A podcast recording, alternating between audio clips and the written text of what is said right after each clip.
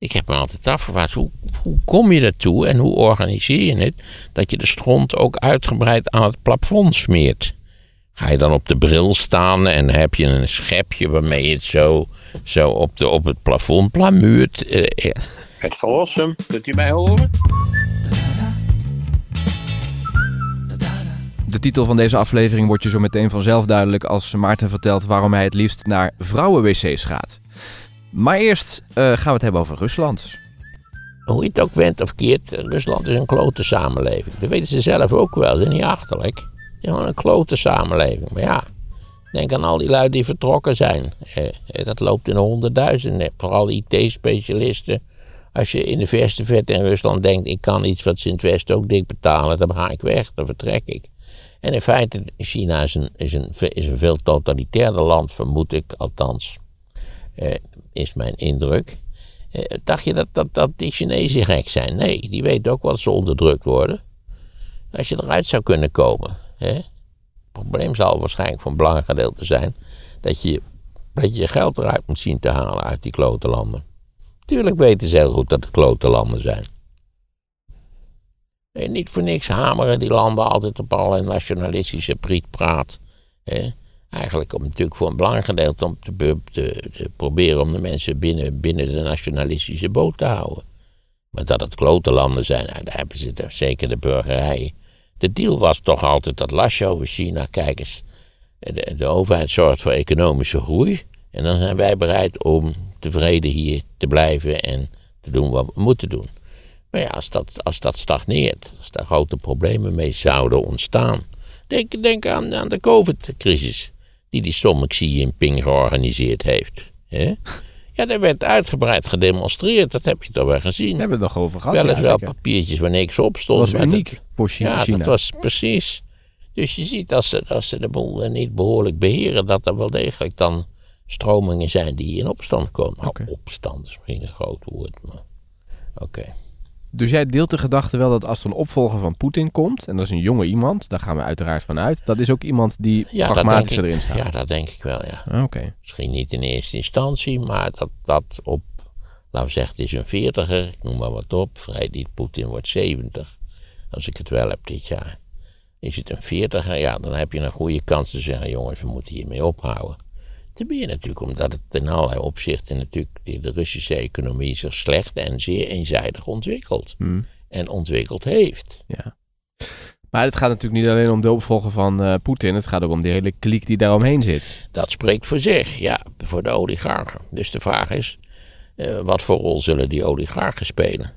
Nou is de, de helft geloof ik ondertussen uit het raam gegooid. Dus, dus misschien uh, is dat ook een nuttige waarschuwing. Dat is me niet helemaal duidelijk. Ik begreep dat ook in de Oekraïne de oligarchen wel, enorm aan positie verloren hebben. Door, door oorlog. Niets is democratiserender dan oorlog. Lijkt natuurlijk vernietigend, omdat Zelensky natuurlijk heel veel macht aan zich getrokken heeft. Maar zolang hij het vertrouwen heeft, en dat heeft hij natuurlijk heel ruimschoots. Eh, ja, ook, je ziet ook fiscaal is, is oorlog eh, het, het de manier om de zaken fiscaal wat, wat eerlijker te organiseren. Maar hoe werkt dat dan? Ja, dat is dan omdat de overheid zegt, ja wacht eens even, iedereen moet meebetalen aan de oorlog. Ook mensen die, die, die rijk zijn. Juist mensen die rijk zijn. Als je wil zien hoe waar en wanneer in de Verenigde Staten het fiscale systeem rechtvaardiger is geworden, moet je vooral kijken naar de Tweede Wereldoorlog. En wanneer is het weer teruggedraaid? Eh, nou ja, toen de Tweede Wereldoorlog zo lang geleden was dat de meeste mensen het weer vergeten waren. Oké. Dus als we naar een lichtpuntje moeten zoeken in een oorlog, dan is dat dit daar eentje van. Bijvoorbeeld, ja. Dat ingrijpende maatschappelijke veranderingen zijn vaak het gevolg van oorlogvoering. Hmm. En zie je dat ook gebeuren, zeg maar, in Europa? Want wij zullen ook mee moeten betalen aan de kant van uh, Oekraïne. Ja, wij zijn rijk genoeg. Kijk, het, wat is het nu? Nu betalen we iets te weinig aan, aan de NATO. Uh, we zijn, moeten naar 2% als ik het wel heb. Nou, die komt me schreef geloof ik al 3%. Dat lijkt mij niet zo nodig in principe we dat allemaal en overal doen, moet 2% toch wel genoegen zijn, zou je zeggen. Eh, je moet natuurlijk ook niet eh, per se naar het Amerikaanse voorbeeld kijken, omdat de Amerikaanse militaire uitgaven natuurlijk een mondiaal veiligheidssysteem betreffen. Wij zijn alleen geïnteresseerd in een Europees veiligheidssysteem. Ja, als we nou, eens aan die, aan die NATO een uh, goede procent van BBP meer betalen, de boel dan, dan hebben we nog steeds heel lekker warm in het autootje. Wat verwacht jij van eh, nu die Leopards die eh, in Oekraïne aankomen? Want Rusland heeft nog niet heel veel kunnen doen met dat voorjaarsoffensief. Toch een beetje een mislukking. Ik heb geen idee. Ik heb geen idee of ze ze efficiënt gaan gebruiken. Hoe dan precies. Eh, die is natuurlijk toch al met al maar een vrij beperkt aantal. Ze zitten met logistieke problemen, neem ik aan. Omdat die, die Abrams tanks, dat die lopen op, op kerosine. Eh, die, die Challenger tanks, dat zijn Engelse tanks, dat is weer wat anders. Dus daar heb je allemaal apart personeel voor nodig. Ik zou zeggen, eh, wees nou blij met al die honderden leopards. We hebben een hoop leopards in Europa. Die nou allemaal inzetten. Maar wat precies, hoe je, hoe je dat moet doen, ik bedoel daarvoor... Je weet, ik heb maar vier maanden in dienst gezeten, dus dat hebben ze me niet verteld. Maar als je die tanks nu, die Leopards tegenover de tanks van de Russen zet, zijn die Leopards toch kwalitatief veel beter? Die schijnen wel ontzettend goed te zijn. Ze zijn snel. Eh, ze, zijn, eh, eh, ze hebben betere afweersystemen voor al die dingen die in de afgelopen decennia gewezen hebben op de zwakheden van tanks, bermbommen en, en, en al, die, al, die, al die kleine raketjes die ze op die tanks af kunnen schieten. Allemaal dat soort van dingen. Ja, onkwetsbaar zijn ze vanzelfsprekend niet. Eh, we hebben het er vaak over gehad volgens mij. Een tank is alleen bruikbaar in een, in een context eh, waarin die tank functioneert. De tank alleen, eh, die, die is alleen nuttig om, om opstanden in de hoofdstad te onderdrukken door Hmm. tanks op de hoek van de straat te zetten. Dus je hebt de luchtsteun nodig en je hebt de panzerinfanterie nodig. Nou krijgen ze ook op het punt van panzerinfanterie een heleboel spullen. Van die, van die dingen waar de, waar de soldaten mee vervoerd kunnen worden. Van die, ja, van die panzerwagentje AMX heette dat vroeger. Hadden wij geloof ik, dat is Frans. Ja. Maar ze krijgen ook Bradley fighting vehicles. eh, dat loopt ook, dat zijn forse aantallen. Maar hoe je die het eff- meest efficiënt kunt gebruiken. Hoe je die nou zo inzet dat je dus op de juiste plek. Want daar gaat het natuurlijk uiteindelijk om. Een zodanige impact kunt hebben dat je door het front van de tegenstander breekt. Dat weet ik niet precies. Dat gaan we nu de komende periode zien. Ja, ik ben helemaal niet gebeld om leiding te geven aan de, aan de tactische en strategische aanpak van de oorlog. Maar ik kan me wel voorstellen, dat is natuurlijk moeilijk uit te drukken in feiten en cijfers. Die eh, Oekraïners zijn intrinsiek heel erg gemotiveerd om dat land te... Geweldig, ja. En tot nu toe heeft ook die, die generaal. En nou was er nu ook wel kritiek op. Nou ja, of ze wel zo ontzettend hard hadden moeten vetten over dat Bakhmut. Het gewoon niet handiger was geweest om je twee of drie kilometer terug te trekken op nieuwe defensieve lijnen. En dat je dan minder slachtoffers maakt. Dat, het zijn allemaal dingen die, naar mijn idee, eh, die je zeker niet vanuit de Franse Halstraat 12. Maar ook niet, eh, sowieso niet vanuit West-Europa goed kunt beoordelen. Nee, want als je nu ook ziet hoeveel eh, slachtoffers nog eh, naar de hand aan, aan, aan het licht komen. Ook hoeveel de Russen daar hebben huisgehouden. Dat is toch wel Ja, dramatisch. verschrikkelijk. Dat is verschrikkelijk natuurlijk. Ja, kijk, vooral, legers, vooral als ze verliezen en, en zich terugtrekken, maken meestal de meeste brokken. Mhm.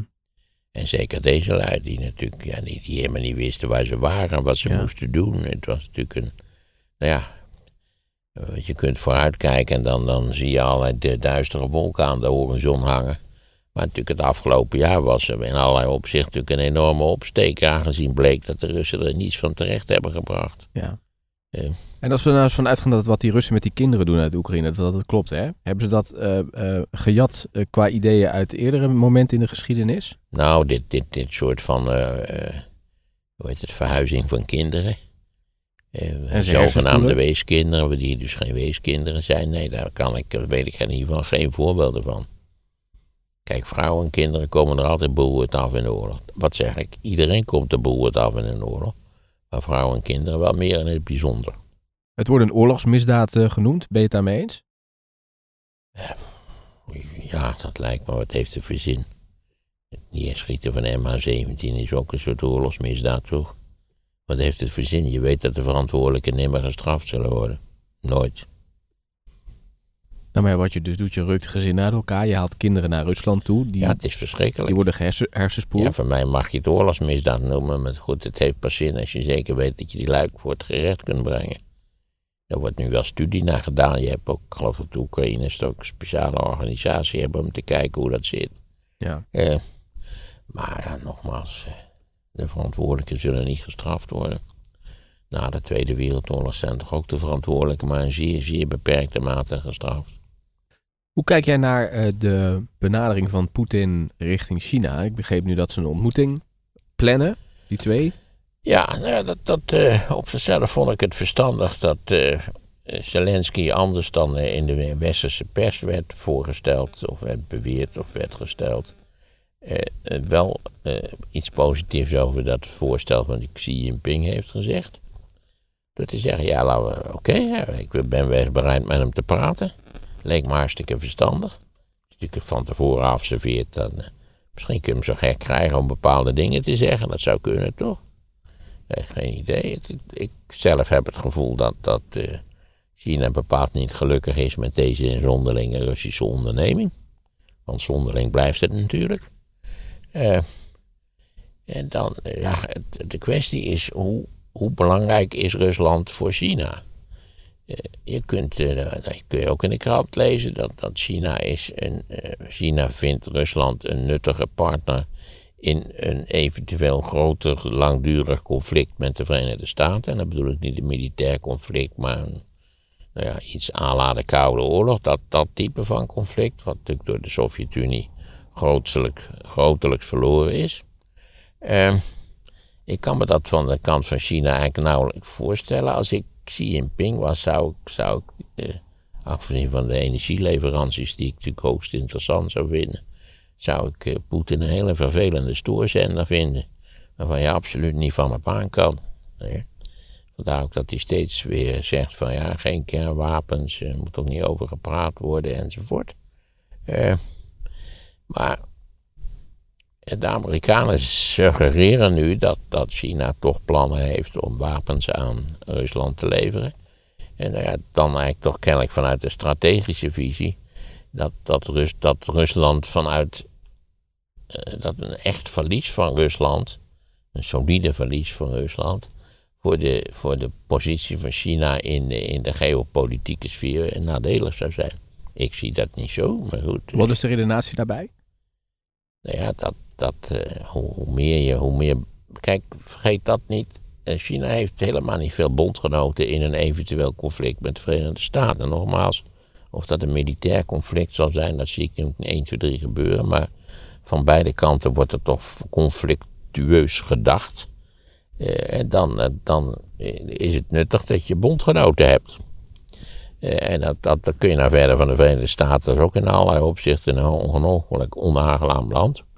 Maar Amerika beschikt over een gigantisch alliantiesysteem. De NATO. Zonder, Amerika uh, was, was waarschijnlijk op dit moment de Oekraïne bezet door de Russen. Ik weet niet zeker, maar het zou kunnen.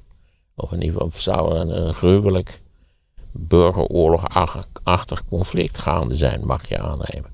En dan, dan is er natuurlijk nog een tweede punt, en dat is de soft power van de Verenigde Staten. En van het idee dat, dat, dat je er lang en kort over kunt lullen, maar dat de meeste landen die in het Atlantisch Bondgenootschap zitten, veel aantrekkelijker landen zijn dan die klote landen in, eh, in Azië en, en, en Rusland zelf natuurlijk. Waar we het net over hadden. Mm. Daarvoor je hebt te kiezen. Je kunt kiezen tussen Noord-Korea en Zuid-Korea. Nou ja, ik zou zeggen, ja, je hebt alvast toen een volstrekte zonderling die Noord-Korea kiest, maar dat duurt meestal niet lang en meestal overleven ze het ook niet. Maar eh, ja, het is nog wel vrij duidelijk. Ik, ik, ik zie toch de voorbeeldfunctie, hoe, hoeveel je ook aan kunt merken op het fatsoen van die landen waar we het nu over hebben, in het Noord-Atlantisch Bondgenootschap. Eh, hoeveel je daar ook op aan kunt merken. Ze zijn honderd keer beter dan die godvergeten politiestaat die Poetin georganiseerd heeft. Of dat, die, wonder, dat wonderbaarlijke Chinese totalitaire onderdrukkingssysteem. dat, je, dat, dat, als je dat je punten kunt krijgen door je fatsoenlijk te gedragen. Dat je toch ook denkt, fuck off. wat is dit voor godvergeten padvinderij hier. Maar Xi eh, die, die hoopt dus met Rusland een soort van bondgenoot te hebben... dat als het met een conflict uh, tot, met de Verenigde Staten komt... dat hij dan sterker staat.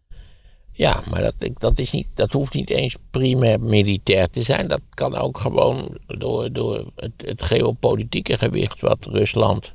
Nogmaals, ik heb het vaker gezegd, ik blijf erbij. Rusland is een tweede rangs mogendheid. Ik zie ook absoluut geen mogelijkheden voor Rusland om op korte termijn een eerste rangs mogendheid te worden. Want daarvoor heb je productievermogen nodig. En een vitale economie. Nou, die, die, dat, dat is uh, alleen aan China, de Verenigde Staten en Europa, althans, dat zijn de grootste units. En dan nog voor een aantal andere landen in, in de wereldeconomie. Mm. maar, maar daar speelt Rusland geen bepalende rol in. Vind je het gevaarlijk, die benadering tussen Rusland en China? Ja, gevaarlijk. Het lijkt mij niet. Ik zou zeggen. Ik zou zeggen dat ik, dat ik nooit blij zou zijn met Poetin het bondgenoot. Tot nu toe heeft hij zich eh, onbeschrijfelijk stomzinnig gedragen. En in feite een hoop problemen eh, georganiseerd, veroorzaakt. Waar, voor zover ik dat kan bekijken, ik zie ook last van heeft. Mm. Als ik ook al Die overigens ook zichzelf in de problemen heeft gebracht door dat stomme COVID-beleid. Ja. Al zie ik ook wel wat over, overeenkomsten tussen uh, Rusland en China. Ja, het zijn allebei onder druk repressieve systemen natuurlijk. Ja, maar ook die Oeigoeren en nu met wat, uh, wat ze met die kinderen doen. Nou, daar zitten wel uh, linkjes waarvan je denkt dat is dezelfde aanpak. Het zijn inhumane regimes. Waar, waar prioriteiten een rol spelen. Ze zijn totaal niet geïnteresseerd in het lot van hun burgers. Nee. Waar hebben we het vanmiddag al eerder over gehad. Over landen die geregeerd werden door mensen die totaal niet geïnteresseerd waren in het lot van hun burgers. Was dat, was dat in Nederland? Ja, met de ene... Zet hem uit! Rutte, sorry! En Rutte. Oh, heel onverwacht, Rutte. Nee, ik moet dit, dit, is, dit, dit gaat te ver. Maar, eh, nee, dat blijft een, een wonderlijke, wonderlijke zaak. Dat, dat de boven ons gestelden eigenlijk altijd weer die neiging hebben om nou ja, zelf allerlei voor dingen te organiseren, maar het, het lot van de burgers buiten beschouwing te laten. Mm. Maar goed, dat is in Nederland oké, een totaal andere propositie dan in Rusland of in China. Maar laten we nogmaals niet vergeten, Amerika staat er in de wereld veel sterker voor dan een land als China. Want China moet voornamelijk voor zichzelf op zien te komen. Ondanks dat jij zo kritisch bent over wat in de Verenigde Staten gebeurt. Ja, daarom, ik heb het toch, ik zei toch, het is in allerlei opzichten een heel onaangenaam land. En ja, er, bestaat voortdurend de kans dat de dorpsgek aan de maat zal komen. Wat bijzonder vervelend is, ook voor ons trouwens. Eh, kijk, als de dorpsgek in België aan de macht komt, dan merkt niemand iets van. Hè? Kunnen bij wijze van spreken drie dorpsgekken aan de macht komen. je hebt vaak toch al iets, nou ja, geen kinderachtige dingen zeggen. Um, nee, dat is zo. Maar dan nog is Amerika een. Amerika is een gemankeerde democratie. Een manke democratie, zonder meer. Maar het is een democratie. Toch, ondanks alles nog. Ja, maar kun je dat dan ook niet van Nederland zeggen? Zijn wij een gemankeerde democratie? Wij zijn alweer een niveau beter dan de Verenigde Staten. Er worden bij ons toch door de politie betrekkelijk weinig jonge mensen eh, van kleur op straat doodgeschoten. Althans, bij mijn weten. Dus nee, nee, dat, die, vergelijking gaat ook weer mank. Kijk, Denemarken is ook een democratie. Ook in allerlei opzichten een ongelooflijk achterbaks klotenlandje. Hè, om, die, om die immigranten naar Rwanda te sturen. Daar bleek in Nederland ook allerlei sympathie voor te zijn. Het is gewoon ronduit misdadig. Ja, dat, dat, de mensen, dat is gewoon, er wordt gewoon over gediscussieerd alsof het de normaalste zaak van de wereld is. Dat hadden die Denen bedacht. De Engelsen, of waren het de Engelsen die het bedacht hadden? Dat je denkt, hoe is het gods mogelijk? Nou ja. Nou, dan redeneren we heel primitief. Ga terug naar je eigen land. Wat moet je hier? Nee, ga terug naar Rwanda. Ik weet niet of dat, dat misschien nog wel beroerde dan het land waar ze vandaan kwamen. Hmm. Ja. We hebben met z'n allen afgesproken na de Tweede Wereldoorlog dat we het niet zouden doen. Daar hebben we ook een hele reeks van verdragen over gesloten. Dan moet je daar ook aan houden. Nog even over de Russische economie. Er is nu een nieuw sanctiepakket weer aangenomen hè, door Europa. Heeft het enige zin eigenlijk? Eh? Nou, tot op heden, dat moeten we wel constateren, heeft het sanctiebeleid relatief weinig opgeleverd. Omdat de Russen zich ongelooflijk snel en handig hebben aangepast aan de veranderde omstandigheden. En omdat een reeks van landen in de buurt van Rusland, je kunt denken in dit verband aan Turkije, niet waar heel graag bereid waren om als intermediair op te treden. Dus ik begreep dat de export naar Turkije is enorm toegenomen. En de export van Turkije is ook enorm toegenomen. Dat wil zeggen, dus de import van Rusland loopt bijvoorbeeld eh, voor een belangrijk gedeelte via Turkije. Ja. En ik neem andere landen. Ja, dat is natuurlijk wel een van de ontdekkingen van deze zaak. Is dat de Russen zo enorm handig zijn gebleken in het omzeilen van de sanctiepolitiek. Hadden we daar slimmer over na moeten denken? Nou, ik ben bang dat je er gewoon bar weinig aan kunt doen. Oké. Ja, hoe moet je Turkije treffen? Ik ben altijd een warm voorstander van het treffen van Erdogan. Niet Turkije. Eh, daar hebben ze verkiezingen in. eh, In mei? ja, er zijn verkiezingen in Nigeria. daar wordt ook veel aandacht aan besteed. Demografisch natuurlijk de gigant van Afrika. Maar ja, heb ik daar wel hoop op? Nou, eerlijk gezegd 0,0. Die Economist ook altijd van die brave, hoopvolle artikelen over. Als ze nou bij de goede kiezen, dan. Maar goed, als je, als je ooit hebt gelezen hoe het in Lagos is, dan weet je. Ik weet niet precies waar dat soort van processen gaan eindigen, maar. ja, dan weet je. Ja, misschien. Mensen kunnen ontzettend langdurig leven met totale chaos, kennelijk. Hmm. Ehm, ja, dus dat, die sanctie, ik weet niet precies of die pakketten dan, en misschien zijn dit pakketten die nog handiger bedacht zijn. We hebben bovendien tot onze verrassing gelezen dat onze nationale bierbrouwer eh, enthousiast zaken doet in Rusland. Heineken bedoel je? Ja. ja. Dat is nou een beetje een raar verhaal, toch? En de ING ook, want de ING zei, ja, we hebben zoveel eh, geld uitgeleend in Rusland, we moeten daar wel blijven. Want als we vertrekken, dan eh, geven we eigenlijk al die leningen cadeau aan de Russen, daar hebben we geen zin in. Nou, ja, zo, zo blijf je aan de gang. Maar Heineken had er ook, ook allemaal eh, handig gebruik gemaakt van de afwezigheid van andere frisdrankproducenten om zelf allerlei frisdranken in de markt te zetten. Ik vond het, eh, ja, ik vond het wel vrij opmerkelijk toch. Ik denk ook niet dat ze daar goed mee wegkomen. Ja, dat vraag je af. Bedrijven zijn, dat zie je ook met Groningen, gewetenloos. Dus eh, ja, dan geldt maar één ding en dat is heel veel geld verdienen. Ja, dat is toch opmerkelijk. Tegenwoordig hebben al die bedrijven volgens mij een soort van een, een ethical officer of een officer Ja. ethics, weet ik hoe dat precies heet. In, als ze hebben altijd van die kreupele Engelse termen overal voor in het bedrijfsleven.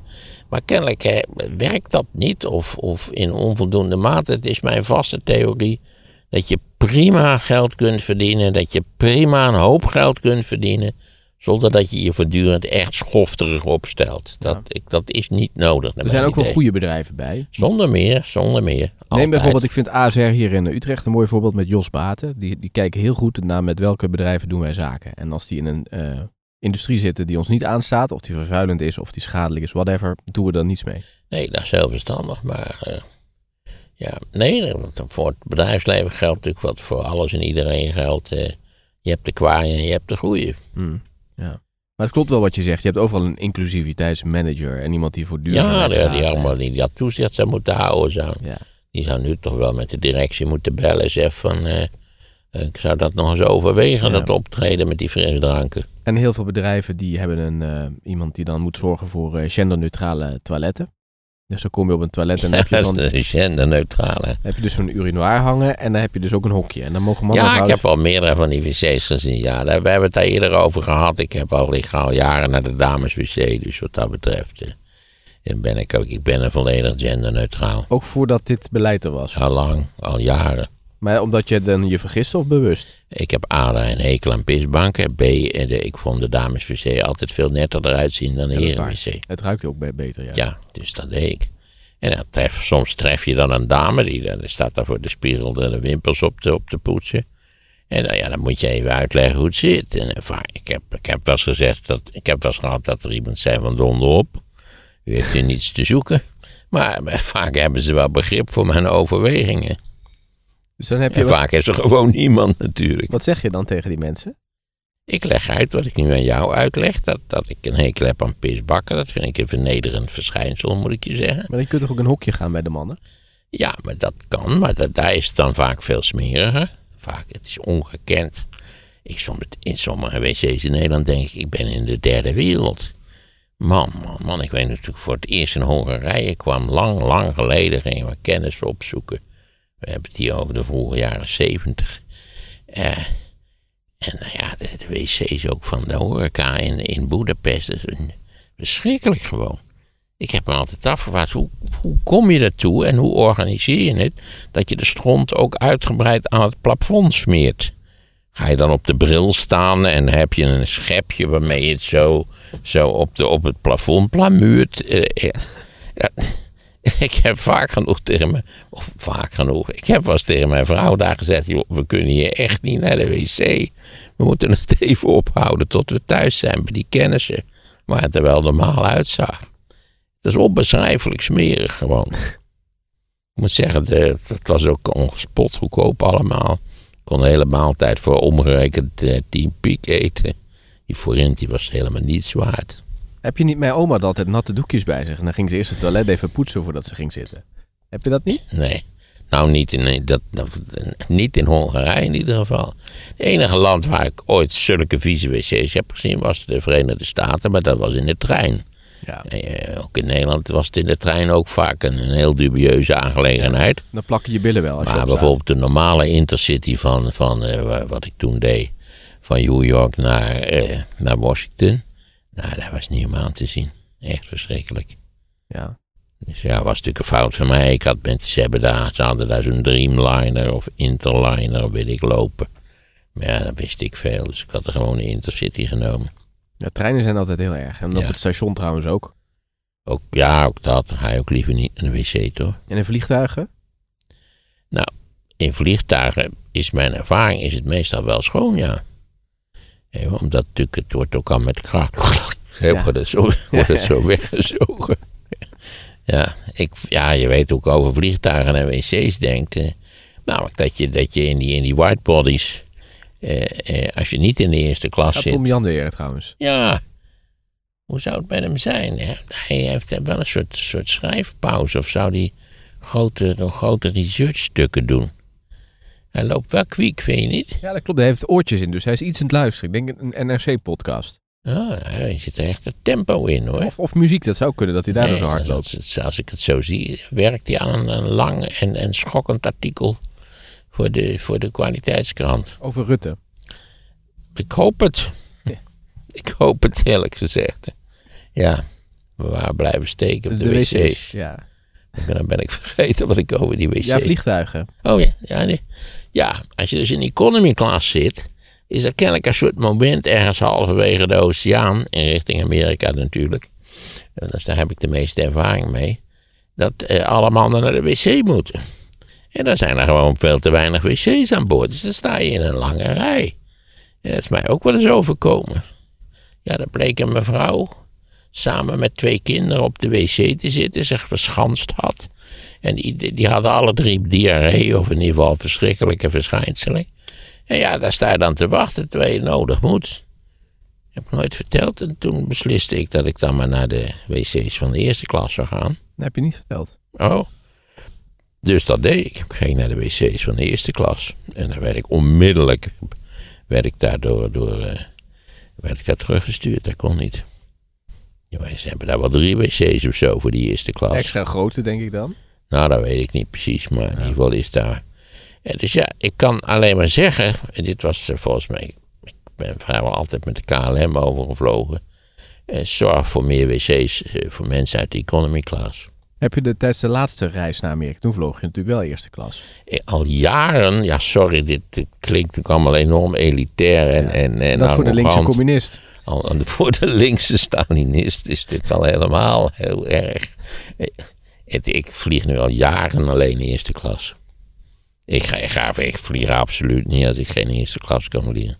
Ik vind vliegen, en ik vind vliegen sowieso kloten, maar in economy class is het gewoon niet te doen naar mijn idee. Nee, begrijp ik wel met die stoeltjes. Ach joh, dat is toch verschrikkelijk dat je... Dat je ik, heb, ik heb met zo'n klote vlucht uit Italië, dat was niet goed. Vorig jaar was dat. Ja, Ja.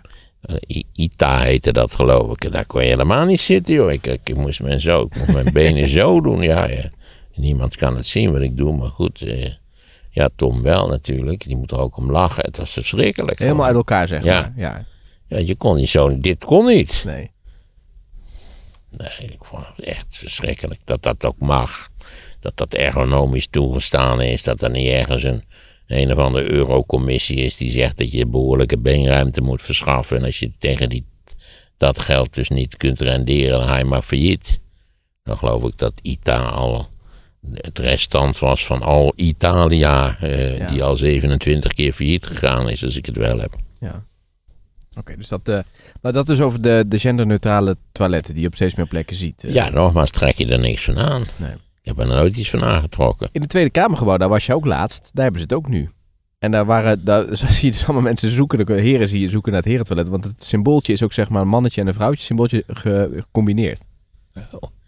Nou ja, het was weer de bekende poppenkast, alsof je, alsof je een, een, een schietgevaarlijk individu bent. Ja. En dan, eh, dan hebben we allemaal geleerd om te zeggen, ah, neem ons niet kwalijk, het moet nu eenmaal, heel vervelend en ah, bah, bah.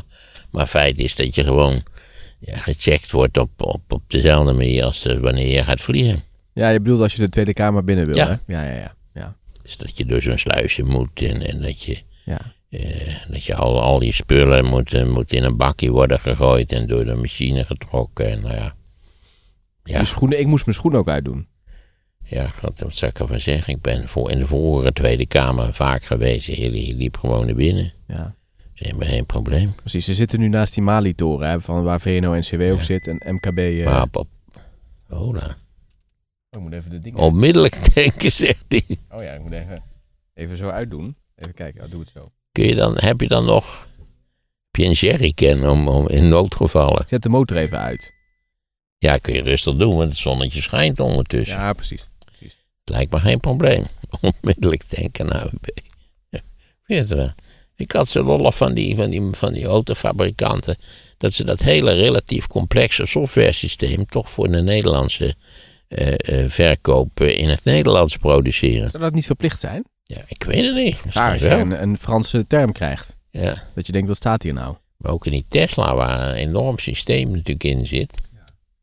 Ik vind zo'n, ik vind- dat scherm met dat, hè, waar je dan ook je, je route op geprojecteerd krijgt, dat is allemaal wel goed geregeld Dat, natuurlijk. zit, dat is een heel mooi groot scherm in het Ja. inderdaad, ja. ja. En als je dus, als je elektriciteit gaat tanken, dan moet je ook weer eens op zo'n dingetje drukken. Dan laten dus zien overal waar je dat kunt doen. En als je dan dus dat adres in Bunnik hebt ingetypt, dan zegt hij ook dat hij zich gaat voorbereiden op het tanken van elektriciteit. Nou ja, eh, goed. Ik, ik vind nog steeds eh, vind ik het handiger om half elektrisch te rijden, maar het, eh, het werkt goed allemaal. Oké, dat was hem. Mocht je vanavond niks te doen hebben, er zijn nog een paar kaartjes voor de live podcast in Tivoli Vredenburg. De link staat in de show notes. Scoor die laatste tickets en dan zien we je straks. Voor de linkse Stalinist is dit al helemaal heel erg. Ik heb laatst gelezen wat, wat de Apple eraan verdient en wat de Chinezen eraan verdienen. En dan moet je toch ook als Chinees denken, we doen iets fout. Dit moet op korte termijn moet dit veranderd worden, want dit is een hele onrechtvaardige zaak. En dat is het ook in allerlei opzichten. Maarten over de geschiedenis van China. Wat zich voltrekt in China en India en andere Aziatische landen is niet meer dan een onderdeel van datzelfde enorme proces wat ooit begonnen is tussen 1690 en 1750. Download het luisterboek via de link in de show notes. Waarom moet je je mobiele telefoon s'avonds niet op je nachtkastje laten liggen? Julian Jachtenberg legt het uit in de podcast Sea Level. En die luister je nu via de link in de show notes. En wil je weten wat podcasting voor jou kan betekenen? Kijk dan op streamy.audio. Streamy met een Y.